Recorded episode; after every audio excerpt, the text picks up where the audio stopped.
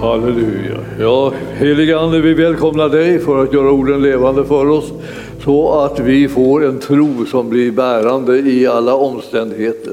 Tackar dig Herre för att du har vunnit en sån underbar seger på Golgata kors och att den segern får fantastiska, underbara, starka konsekvenser in i vars och ens liv som tror på dig. Vi sträcker ut vår tro och vi bejakar att det är du som är vår Herre, det är du som är vår frälsare, det är du som är vår hjälpare i livets alla förhållanden. I Jesu namn och församlingen sa Halleluja. Tack lovsångare. Eh, vi ska påminna om att eh, den 17 i femte klockan nio så har vi visionsdelning och det, det, den kan man eh, anmäla sig till så får man följa den på nätet om man inte är här. Och eh, eh, då kan du bli alltså, eh, delaktig och du går in på www.arken.org och, och så tar du del i det där. Så nästa söndag alltså. Så är du välkommen om du vill vara, söka medlemskap i församlingen Arken så, och inte har möjlighet att vara just här. Då. Klockan nio var det. Sen eh, eh, ska vi idag eh, gå till Lukas evangelium och gå till det 18 kapitlet och 18 versen. Lukas 18, 18. Och så ska vi tala där lite grann om det här underbara som är eh, Jesus. Det speciella, eh, fantastiska, underbara Jesus som är som ingen annan.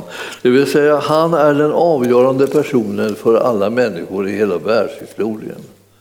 Utan honom eh, ja, så går vi vilse och kommer bort. Men med honom så kommer vi rätt. Så det är liksom det det handlar om hela tiden. Nu, jag tänker, tänker ibland på så här, Vissa lovsånger de är, har inte liksom, eh, säger bara Gud så, men vår Gud är Jesus. Så att eh, det, man, man, ska veta det, det är det vi menar hela tiden. Vi menar Jesus. Jesus, Jesus menar vi. Eh, och, eh, så att eh, ibland så där, Gud kan ju, vara, kan ju vara mångas liksom, eh, tillbedjans mål utan att det handlar om Jesus. Så därför är hans namn så där avgörande. Därför är hans namn mycket känsligare också faktiskt. Om man, om man säger Gud så är det ingen människa som går i taket, men säger man Jesus så får man ju liksom en helt annan typ av reaktion. Därför att han har all makt i himlen och på jorden. Och eh, det här kan man säga, det, hur, ja, det syns väl inte det, ja, men det, var, var syns den makten? Där man tror på honom. Där man litar på honom, där man liksom söker hans vilja och går på hans vägar. Där syns den här, vilken makt han har. Nu ska ni se här, vi ska tala om den, eh, först ett möte mellan Jesus och en rik man. Ja, det, är, det är, en del tycker liksom det är väldigt intressant att bli rik. Alltså. Många siktar ju på det i livet, alltså man kämpar på och vill bli rik. Och eh, eh det är ju en, en maktfaktor i människors liv. Alltså. Och jag skulle vilja säga till dig att du, du, du, får se upp för den makten, men du kan få se upp för alla möjliga andra makter också som vill liksom bli ditt livs mening, det du, det du vill uppnå, alltså det som är viktigt för dig, det som du vill klamra dig fast vid eh, framför allting annat, och du liksom så att säga offrar eh, eh, andra saker bara för att du ska ha just det här, det, det som är liksom, det blir ditt livs mening. Den här rike mannen han hade, han, han hade problem, så att andra skulle säga han hade det förspänt. Men det var inte förspänt liksom för honom när han mötte Jesus så blev det problem. Därför han klarar inte av det där att liksom vara med om den förvandling riktigt som, som behövdes för att man skulle kunna bli delaktig av det som Jesus ville ge. Och det där ställs vi inför allihopa på olika sätt. Att så, när det kommer till kritan Eh, så eh, börjar det kosta någonting också att följa Jesus. Alltså, du ska göra en slags prioriteringsordning här som ska kasta omkull allt det du har kört med innan och det som du har tänkt innan och så ska någon annan komma in och liksom ta platsen, liksom i huvudsakliga platsen och utrymmet i ditt och mitt liv. Och det, det, när vi tänker på de där sakerna så, så känner vi så här att det, det, det var väldigt vad, vad, vad, vad, han var pressad, den här, den här den rike mannen här. Vi ska läsa om honom. Från 18 versen alltså, i Lukas eh, evangelium. En man i hög ställning frågade Jesus, gode mästare, vad ska jag göra för att få evigt liv? Och Jesus sa till honom, varför kallar du mig god? Ingen är god utom en och det är Gud. Buden känner du. Du ska inte begå äktenskapsbrott, du ska inte mörda, du ska inte stjäla, du ska inte eh, vittna falskt, hedra din fader och din mor. Eh, eh, mannen sa, allt detta har jag hållit sedan jag var ung. Och Jesus hörde det och sa till honom, ett fattas dig ännu, sälj allt vad du äger och dela ut det till de fattiga. Då ska du få en skatt i himlen och kom sedan och följ mig. När mannen hörde detta så blev han djupt bedrövad eftersom han var mycket rik. Jesus såg att han var bedrövad och sa, hur svårt är det inte för dem som är rika att komma in i Guds rike? Det är lättare för en kamel att komma igenom en synhållsöga än för en rik man att komma in i Guds rike. De som hörde detta frågade, vem kan då bli frälst? Och han svarade och sa, det, det är, som är omöjligt för människor är möjligt för Gud. Då sa Petrus, se vi har lämnat det vi ägde och följt dig. Jesus sa till dem, amen säger jag dig, er alltså var och en som har lämnat hus eller hustru eller bröder eller föräldrar eller barn för Guds rikes skull skall få mångdubbelt igen redan i den här världen och sedan evigt liv i den kommande världen. Man kan säga kort och gott, vilken pers! Alltså, kan han kan väl inte mena, eh, vill man säga, och så vill man reservera sig för olika saker som man vill, som man tänker det här är ändå det viktigaste som finns och, liksom, och det här är viktigast, det här är viktigast. Och Jesus säger, eh, eh, det här att tro på honom, att följa honom, det är det viktigaste. Och därför så kan man säga att det här är en prioriteringsfråga. Du måste prioritera om om du ska ha med Jesus att göra.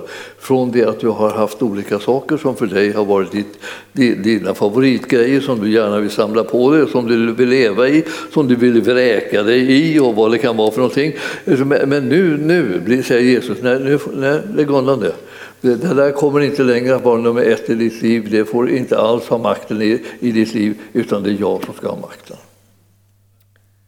Och det är både skönt, ibland så tänker man sig man, det är enkelt för de som är fattiga, de som inte äger någonting, de som liksom kämpar liksom, liksom med, med små saker. Så här. Det är det enda liksom som de behöver försöka överleva och de kan bara ropa till Jesus och de behöver aldrig lämna någonting för de har redan tappat bort alltihopa. Eh, så de, de, det är så magert som det kan bli. Det är väl ingen konst då att bli Jesu lärjunge. Alla människor bär på konstiga olika drömmar som är ganska själviska liksom och, och eh, så eh, självcentrerade grejer. Så det man önskar sig, det man vill ha, det, det man ber om och, och sådär. Vi, vi, om vi lyssnar på våra böner ibland så kan de ju komma att innehålla liksom ett evigt tjat om att ge mig det, ge mig det, ge mig det, ge mig det här och mer av det och mer av det.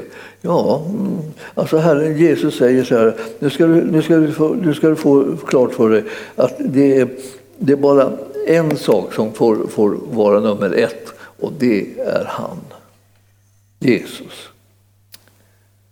Ja, för mig är det bara Jesus, hör jag folk säga ibland. Men jag kan inte alltid säga liksom, att jag tycker att det märks.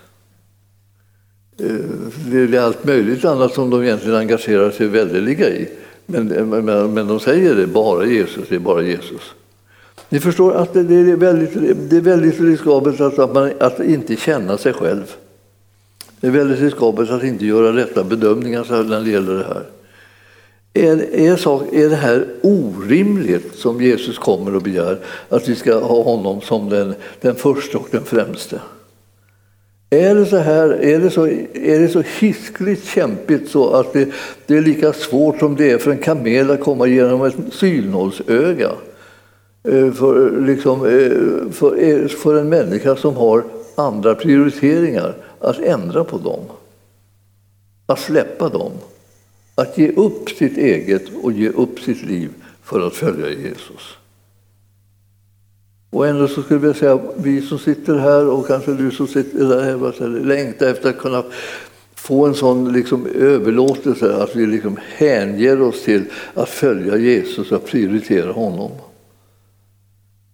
När man kommer så där liksom en liten bit på vägen men inte orkar gå och inte vill gå, kan man nästan säga, den resten av vägen, så får man ett ganska liksom eh, otrevligt och kämpigt liv som innehåller massa trista saker. Man pressas till det, man, för, man kämpar med alla möjliga saker. Istället för att drivkraften som har varit att när du mötte Jesus så märkte du vilken kärlek han hade till dig och hur han liksom omslöt dig och liksom vann ditt hjärta. Så att du kände att det här, jag kan inte något annat, jag vill inte något annat än att bara följa honom. Alltså det här är liksom så oerhört viktigt, alltså, att drivkraften till vårt liv är kärlek till Herren. Och vad ska, vad ska man göra om man tycker att den här kärleken eh, har inte tillräcklig kraft, har inte tillräckligt engagemang, har inte tillräcklig brand i sig? Då? Jo, då måste man söka sig närmare honom hela tiden. Det är, det. Alltså, det är där det är. Vad, är det, vad ska jag ta mig till, tycker någon. så här. Så här. Ja, det, ja, det, det, det är alltså omöjligt. Det är omöjligt för dig att klämma fram det här som liksom skulle vara det, det fantastiska, liksom, det fantastiska livet som, som Herren skulle godkänna. Oh, och han säger oh, nu, nu det, har, har, vilken helhjärtad, underbar, kärleksfull person som, som, som här vill gå följa mig som en lärjunge. Det stod liksom att det som, är, det som är omöjligt för människor, det är möjligt för Gud. Tack Jesus, skulle jag vilja säga. Alltså när man börjar prata om det här så börjar varenda en känna sig pressad. Ja, nu, nu, vet att, nu pratar jag liksom bara om för att hur, hur, hur pressad du kan bli när du är själv. När det hänger på dig. Du kan bli så pressad så att du storknar. Och till och med liksom så här, måste jag dö också? Måste jag, var kom den här stackars kamelen? Jag har, ofta talat och tänkt på honom liksom därför att det, det har varit så svårt att tänka sig liksom att man kunde överhuvudtaget få kamelen genom ett nålsöga. Och eh, den första gången som jag funderade över det här så, så, så, så tänkte jag att jag måste starta med det här, något litet skäggstrå som man har på mulen. Om jag tar ett av de där skäggstråna på mulen och så sätter jag igång och, och försöker trä in det genom nålsögat och lyckas jag få in det så kan jag börja dra kamelen igenom så här. Alla förstår ju liksom att det är ett jättestort och långvarigt projekt. Så, som man, man undrar ens om man någonsin kommer klara det om inte själva borstet där som man drar i lossnar liksom, plötsligt och allt blir förstört och man måste börja om igen. Den har åtskilliga sådana här strån kan jag säga på nosen. När, jag, när vi var i, Israel vid ett tillfälle så, så hade vi en broder med oss som hade siktat på att han skulle få pussa en kamel. Han tyckte att det skulle vara så fascinerande, han har alltid fascinerats av kameler. Så när det stod, vi stod där bredvid en stor sån här kamel och de är oerhört liksom, sådär. Det liksom på något sätt bara rann runt truten på den och sådär. Då tog han tag i de här läpparna på kamelen, eller vad ska jag säga, på mulen så här. Och sen pussade han den här kamelen så att han var alldeles insmord i ansiktet. Och vi alla höll på att snorkla. Vi tänkte, inte krok liksom. Så här. Ja, det hade han sett fram emot att få pussa en kamel liksom. Ja, vi har olika mål här i livet. Man kan säga det där verkar ju ett av de mer meningslösa målen kan man säga som man kan sätta upp och obehagliga. Eh, så. Men, men alltså, det här var ju som så att den här kamelen var, om den någonsin skulle komma igenom det här nålsögat så kommer det kosta kamelen livet. Den dör. På andra sidan nålsögat är det bara en hög. I bästa fall då, då. om man får igenom kamelen så dör den. Va? Liksom, det, det, kan inte bevara livet samtidigt och komma igenom nålsögat. Och eh, Jesus vill liksom, eh, liksom lära oss någonting. Att vi måste också dö bort ifrån det som är våra egna projekt och prioriteringar för att liksom få ett nytt liv och det är uppståndelselivet. Och det livet kan man leva på andra sidan nålsögat men det är inte, man kan inte leva det på, på, på samma sida där man har gått och prioriterat sig själv hela tiden. Utan man måste igenom och dö på kuppen. Och då tänker jag, ja men det, det här är ju det är som omöjligt. Ja, ja visst, för människor är det omöjligt liksom att riktigt få till det här. Men för Gud är allting möjligt. Jag förstår att du, vi, vi, vi, Gud, alltså, han är ju den som vi håller på och försöker lära känna och förstå oss på. Därför att han är så underbar och har en sån förmåga och sådana möjligheter som övergår allt förstånd. Alltså, vi, vi tänker så här, vad är det här? Måste vi ta oss igenom det här? Ja, det Gud kan hjälpa oss. Hjälper han oss blir vi räddade.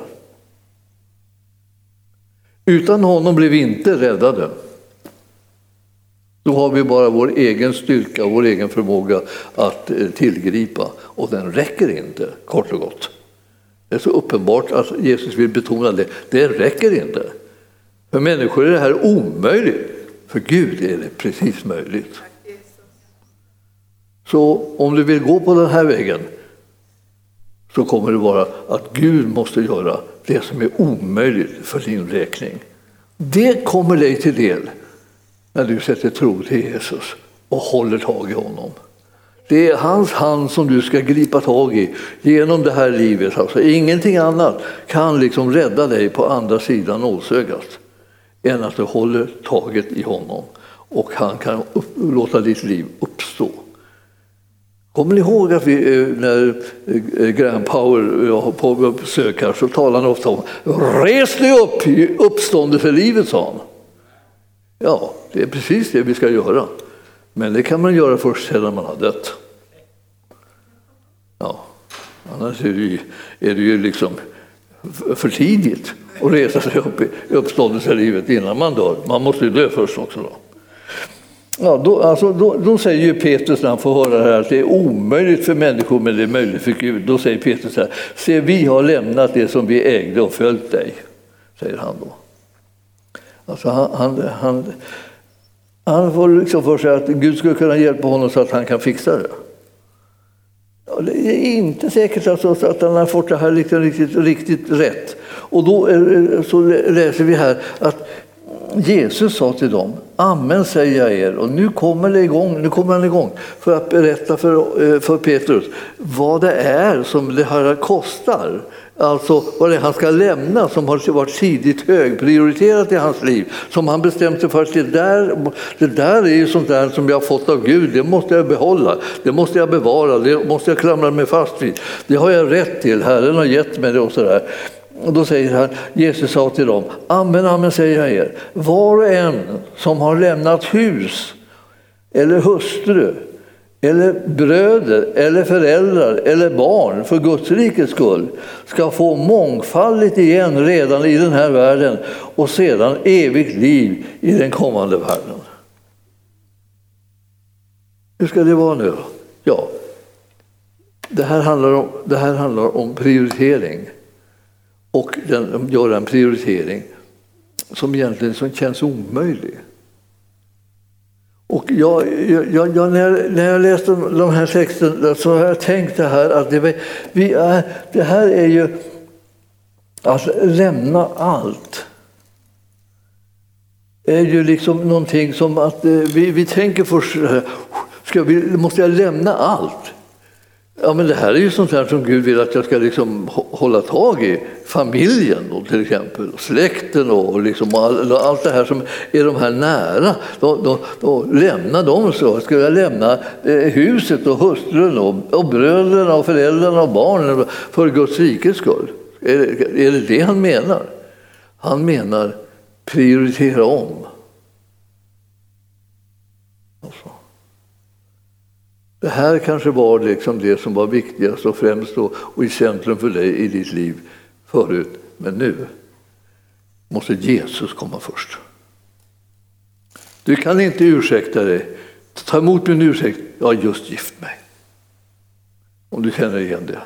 Alltså, Ta, ta emot min ursäkt, jag har just skaffat mig liksom ett landområde. Jag måste gå ut och, liksom och känna mig rik och mäktig och äga det. Och jag, och jag, ska, jag har just köpt mig en, en, några, några oxar, jag ska ut och, och, testa dem så, så jag kan liksom se vad jag kan åstadkomma med, det, med, med, med hjälp av dessa mäktiga oxar så vi kan jobba med, med, och tjäna massor med pengar. Ta emot min ursäkt. Och Herren säger, det gör jag inte. Han tar inte emot din ursäkt. Jag är först. Det är det han säger till oss. Jag kan, jag kan tänka mig, jag tänker mig ibland så här, det, vad, vad, vad, vad, vad liksom pressande det är liksom, att, eh, att han är först och samtidigt så vet jag ju att det är klart att du är först, Herre. Jag vill säga ja, ja, ja, ja, du är först. Men samtidigt vill jag säga nej, jag vill inte förlora det här andra. Jag vill inte förlora det. Nej, han menar inte att du ska förlora. Han menar att du ska prioritera honom. Det är någonting som kommer först. Men det andra kommer också. Allt det här andra, det är sånt där som han, han vill ge oss. Vad står det i den här i 30 versen där då? Jo, där står det. Då ska du få mångdubbelt igen och redan i den här världen. Och sedan evigt liv i den kommande världen ska du få. Det betyder det att när du har prioriterat honom så kommer det komma en, en, en välsignelse över allt det här andra som han också ger till dig. Det som du får därför att du, du gör det som han ville, nämligen prioritera honom. Och så lägger du allt det här andra i hans hand och han kommer att ge det tillbaka med råge till dig. Hur ser det ut? Ja, det är meningen att du ska vara, bli nyfiken på det så att du vill upptäcka det. Att du går den där vägen av prioritering så att du upptäcker hur det ser ut. Att få allt tillsammans, men som en välsignelse från Herren och inte bara någonting som du har suktat efter och längtat efter och skaffat dig och sådär. Utan det är Herren som är din källa och från hans hand ska du ta emot det här. Ja, det är radikalt det här. Det är radikalt så det liksom nästan svider i fläsket. Jag ska, men jag tänkte att vi skulle ta, titta på, det finns parallellställen till det här. Och jag tänkte om, om vi tar en titt i Matteus eh, och 19 Eh, eh, versen, eller 19 kapitlet, Matteus 19. Och så tittar vi där i, i, i det, den, eh, ska vi se vilken 20 28 där, 27, 27 kan vi ta. Då tog Petrus till orda. Se, vi har lämnat allt och följt dig. Vad ska vi få för det? Ja, nu vill han liksom se om det lönar sig. Liksom så. Ja, jag vet inte om jag ska säga så, för att det är ju tveksamt om, om man hade sådana såna tankar. Men han tänkte ändå, om vi nu pratar om det, på vilket sätt tänker du välsigna oss när vi nu, nu har ställt oss helt till ditt förfogande? Hur, hur, hur, hur blir det här nu framöver? Och, eh, för att ni kommer ihåg Jakob och Johannes som, som var fiskare och som eh, satt med sin, eh, sin pappa Sebedeus och, och lagade nät och så kom Jesus förbi. Och när han kom förbi så sa han bara så här, följ mig, sa han. Och så gick han vidare. Och då släppte de här sönerna som satt med gamla Sebedeus sina nät och gick och följde Jesus. Och där satt Sebedeus. Han kanske hade fiskat i hela sitt liv. Hans fingrar kanske var helt och hållet förstörda. Han satt där och rensade lite grann bara. Men det var i stort sett sönerna som var hans räddning. Att de var där och var, var i samma bransch. Och de skulle försörja pappa och mamma på deras ålders höst. De var, alltså man kunde säga, sönerna var pensionen. Och den försvann över liksom kullen där borta med Jesus. Och där satt de kan, inte, man kan säga det, med den lilla informationen som Sebedéus förmodligen hade då, så blev han förmodligen också förtvivlad. Han tänkte nu är det slut, liksom. nu är det ingenting. Men det var inte på det viset, utan det var som att, att man, man fick med sina familjer. Man fick med eh, de, de, de släktingar och så här som, och som troende och så fick man med dem och, och Herren välsignade och hjälpte så att man kunde liksom göra, leva i Guds församling tillsammans och få, få med sig de anhöriga också. Och de, det var inte som man bara, bara liksom lämnade dem i sticket och där gick de under. Liksom.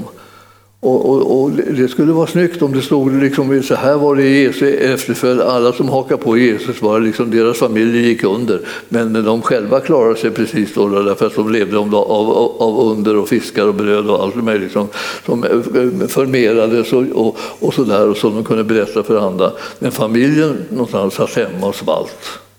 Nej. Han är vår försörjare. Ni vet om man läser i Matteus 6, som vi läste liksom nyss här, så, så står det liksom att, att allt det här andra ska tillfalla er. Om ni nu väljer rätta prioriteringen. Sök först Guds rike och hans rättfärdighet så ska allt detta andra tillfalla er. Det är, liksom, det är ett sån här centralt bibelställe som, som är en sån oerhörd betydelse att du och jag går på den vägen. Annars så blir vi så att säga liksom, eh, mera så här, åskådare till det kristna livet. Vi, be vi, behöver inte vara åskådare. Det ger ingenting. Det bara liksom känns att det är krävande. Men att vara delaktiga ger någonting. Det känns att man blir välsignad och, och, och glad och stark och härligt att få känna, tjäna Herren och följa Herren och göra hans vilja. Alltså det, det är en helt annan sak om man prioriterar Guds rike och hans rättfärdighet. Så kommer allt det här andra tillfalla er. Alltså, det där bibelstället har liksom följt mig liksom genom, genom livet. Alltså det här, och därför att jag kände att det var sån, det talade till mig så jättetydligt liksom, att man måste våga sig på att följa Jesus. Alltså det är inte liksom en teori, det är liksom en praktik. Och ju mer man då följer honom, alltså desto rikare blir livet och desto härligare och desto mer spännande och man tänker, jag ska inte byta ut det mot någonting. Det får vara liksom, även då när det liksom är kaotiskt och när omständigheterna är dåliga och när man är rädd för alla möjliga saker kanske som finns. Och det är faror hit och faror dit. Och, så där, och det är brister och det, och det, det är, kamp. Så kommer det ändå så här, det hela slutar med jag skulle inte byta det mot någonting. Och jag, när jag möter människor så där, som har varit liksom, gett, lagt ner sitt liv så att säga, för att följa Herren och göra hans vilja, så är det ingenting som går upp mot det. Det är det absolut viktigaste och mest härliga som man kan tänka sig. Och de skulle aldrig, om de fick göra om det, om man ska fråga om du fick göra om det, skulle du verkligen ha gett dig in i det där? Skulle du ha gjort de här sakerna? Och svaret är ja. De tycker att det, något annat liv kan inte jag tänka mig att leva. Och jag vill säga till dig, var, var, var, inte rädd för det verkliga livet där man är beroende av Jesus. Utan våga leva det verkliga livet som är ett, ett, ett liv där man går och vandrar i tro och följer Herren och gör det som är hans vilja och förhärligar hans namn. Då man inte liksom springer rädd genom livet bara och tänker nu drabbar mig den ena eländet efter det andra. Jag måste liksom skaffa mig liksom mycket, försäkra mig om att inte jag, jag, jag missar någonting egentligen, några, några möjligheter till, till inkomster och liksom till, till skydd eller, eller vad, vad, vad du vill nu man hittar på som skulle vara liksom en, en tröst och en hjälp för dig. Det är personen själv, Jesus, som är vår frälsare och vår räddning. Det är han. Det är han som är vår försörjare, det är han som ger oss allt vad vi behöver. Det är han som känner oss. Och ju mer du och jag känner honom, desto tryggare blir vi. Om vi liksom börjar låta honom glida från oss, så, så, så, så, så kommer det in någonting annat som ofta är fyllt med fruktan och oro och osäkerhet istället. Men Herren vill, håll det tätt intill mig bara så kommer du märka vilken trofast Gud du har i Jesus. Alltså. Och då här i, då i, i, i med Matteus så, så, ska vi ta och titta på, eh, ska se vilken, vilken vers det var, 19 och 20. 20 ja, just det. 27 var vi på. Och då säger, han så här att Jesus sa till dem när de hade frågat efter vad ska vi få för det då? Ja, amen säger jag er. Vid pånyttfödelsen, när Människosonen sätter sig på sin härlighetstron, då skall också ni som har följt mig sitta på tolv troner och döma Israels tolv stammar. Och var och en eh, som för mitt namns skull har lämnat hus och bröder eller systrar eller far och mor och barn och åkrar, han, han kommer att få hundrafalt igen och ärva evigt liv.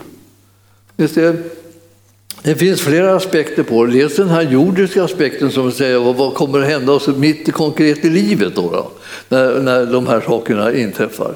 Men det så finns också liksom den här slutändens aspekt, det vill säga när du, när det kommer till den yttersta tiden. När Herren liksom, eh, eh, har gjort allt det som han ska göra och sen så frågar man vad får då det ytterst konsekvenser för oss då? När vi kommer till den himmelska världen blir vi delaktiga av evigt liv. Och, och vi kommer att få hundrafalt igen och vi kommer att ärva evigt liv. Alltså. Hundrafalt igen. Jag tänkte, ibland, jag tänkte ibland på det som att vad är det som, som, som ska braka loss då, som ska bli hundrafaldigt? Ja, alltså, eh, då tänker man så här, ja, det har jag, nej, det har jag aldrig tänkt på. Liksom. Jag, jag, jag har bara suttit och räknat på vad som skulle hända just de här nu. Då. Jag har ju bett och jag ju, tjänar ju Herren. Jag vill se att det blir, någon, det blir någon skörd och så. Och det får man visst se. Eh, men du vet, i den himmelska världen så, så kommer det när vi kommer in i, i det eviga livet och har lämnat jordelivet, ja då kommer det någonting som kallas för hundrafalt igen. Ja, det måste ju vara någonting helt... helt för, för, alltså, man, kommer, man svimmar väl närmare, i det närmaste hundrafaldigt vad, vad det är som Herren bedömer liksom att, att, man har prioriterat honom och följt honom gen, genom livet och nu kommer man få en sån där ofantlig så här, liksom, respons på det. Herrens välsignelser är fullkomligt gränslösa. Den trygghet Herren erbjuder, den skydd Herren erbjuder, den hjälp Herren erbjuder är utan gräns. Och jag kände att, liksom att eh, jag skulle vilja liksom att vi, vi som är troende att vi kände och förstod att det här är någonting som du och jag ska hålla levande för oss när vi är på, här på jorden. Och inte bara liksom kasta oss in och, och, och liksom förstora och eh, hitta på liksom hur fruktansvärt alla omständigheter är här på jorden.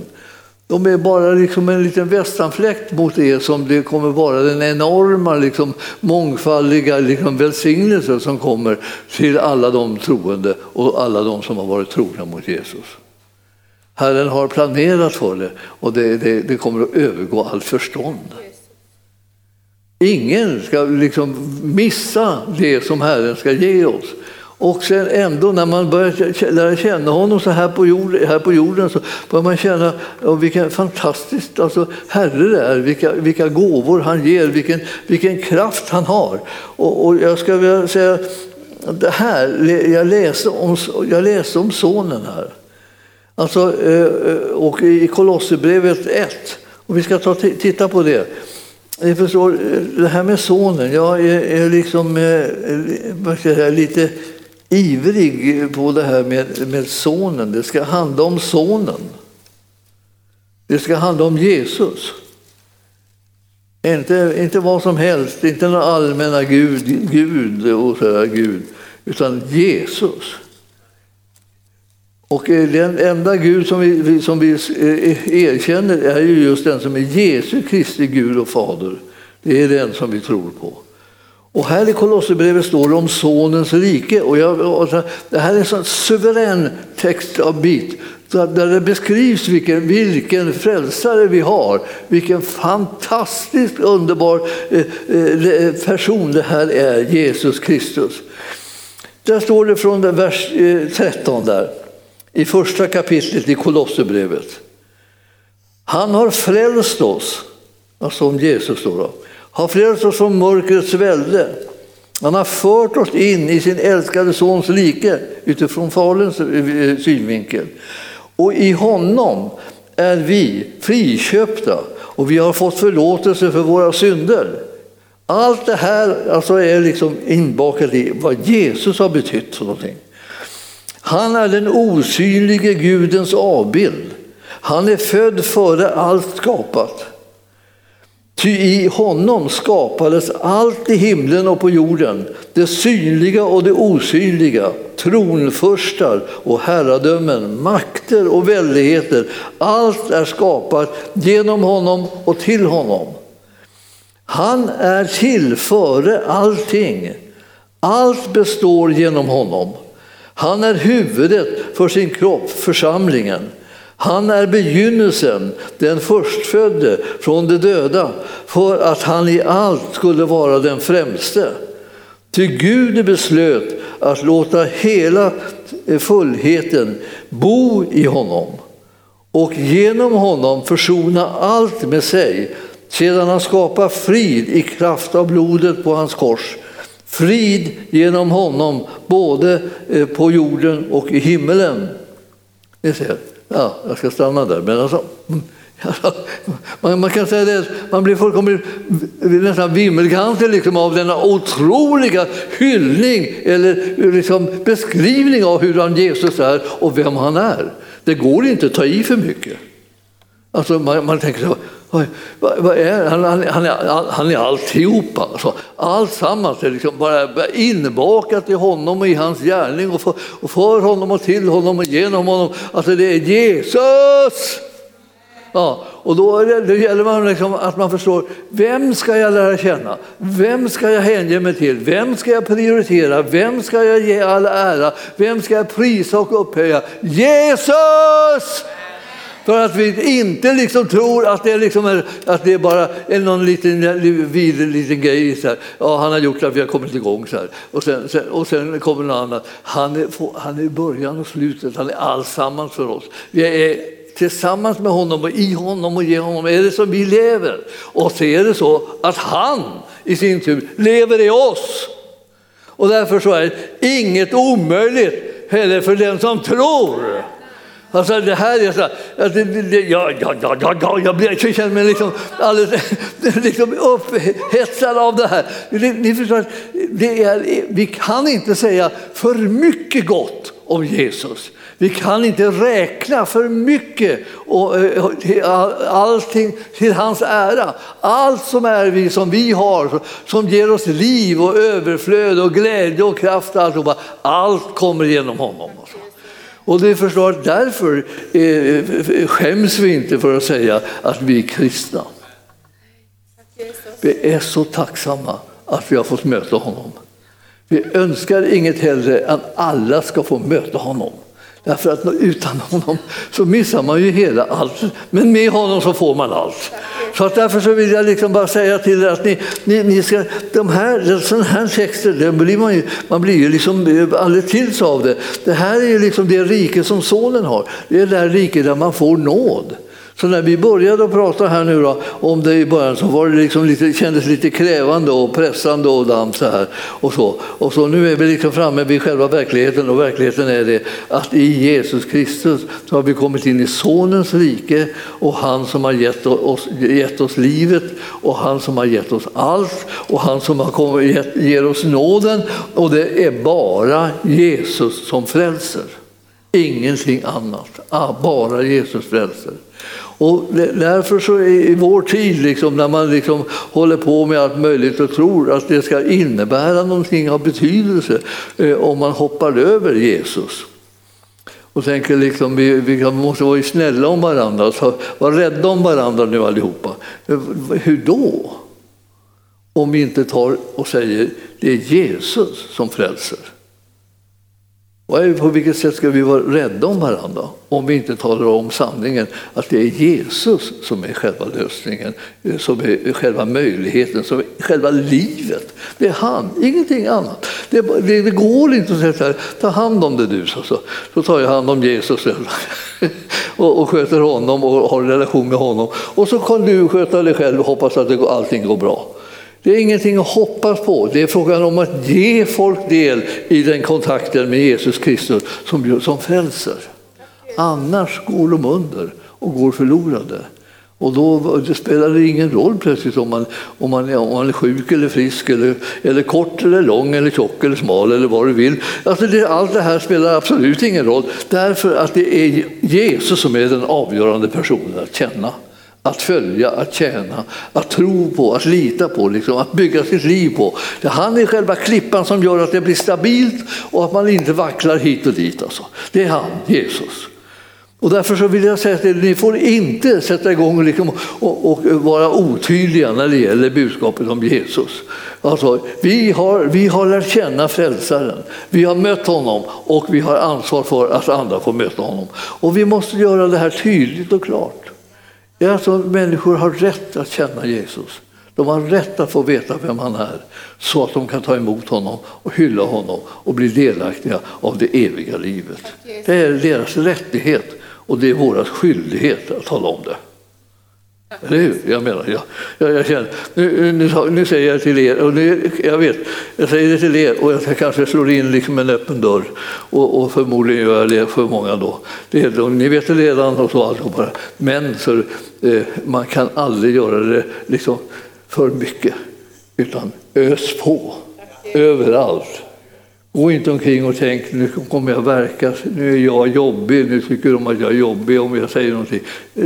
Det är väl ingenting att ta hänsyn till om de tycker att jag är jobbig. Jag, jag, jag är ju jobbig.